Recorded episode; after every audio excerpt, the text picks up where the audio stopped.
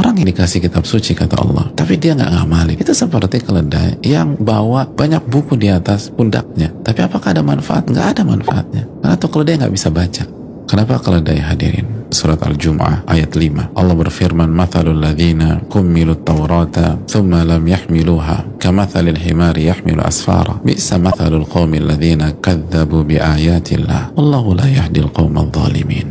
Perumpamaan orang-orang yang dipikulkan kepadanya Taurat. Namun mereka tiada memikulnya. Mereka seperti keledai yang membawa kitab-kitab yang tebal. Itu seburuk-buruknya perumpamaan bagi kaum yang mendustakan ayat-ayat Allah. Allah nggak akan kasih petunjuk kepada orang-orang yang zalim.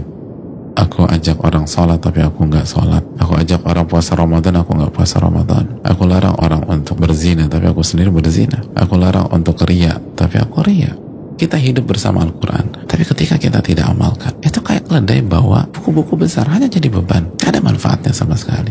Harusnya kan orang kalau bawa kitab-kitab yang tebel-tebel yang bagus-bagus kaya akan ilmu pengetahuan harusnya kan dia jadi pintar terus meringankan beban hidupnya kan begitu harusnya.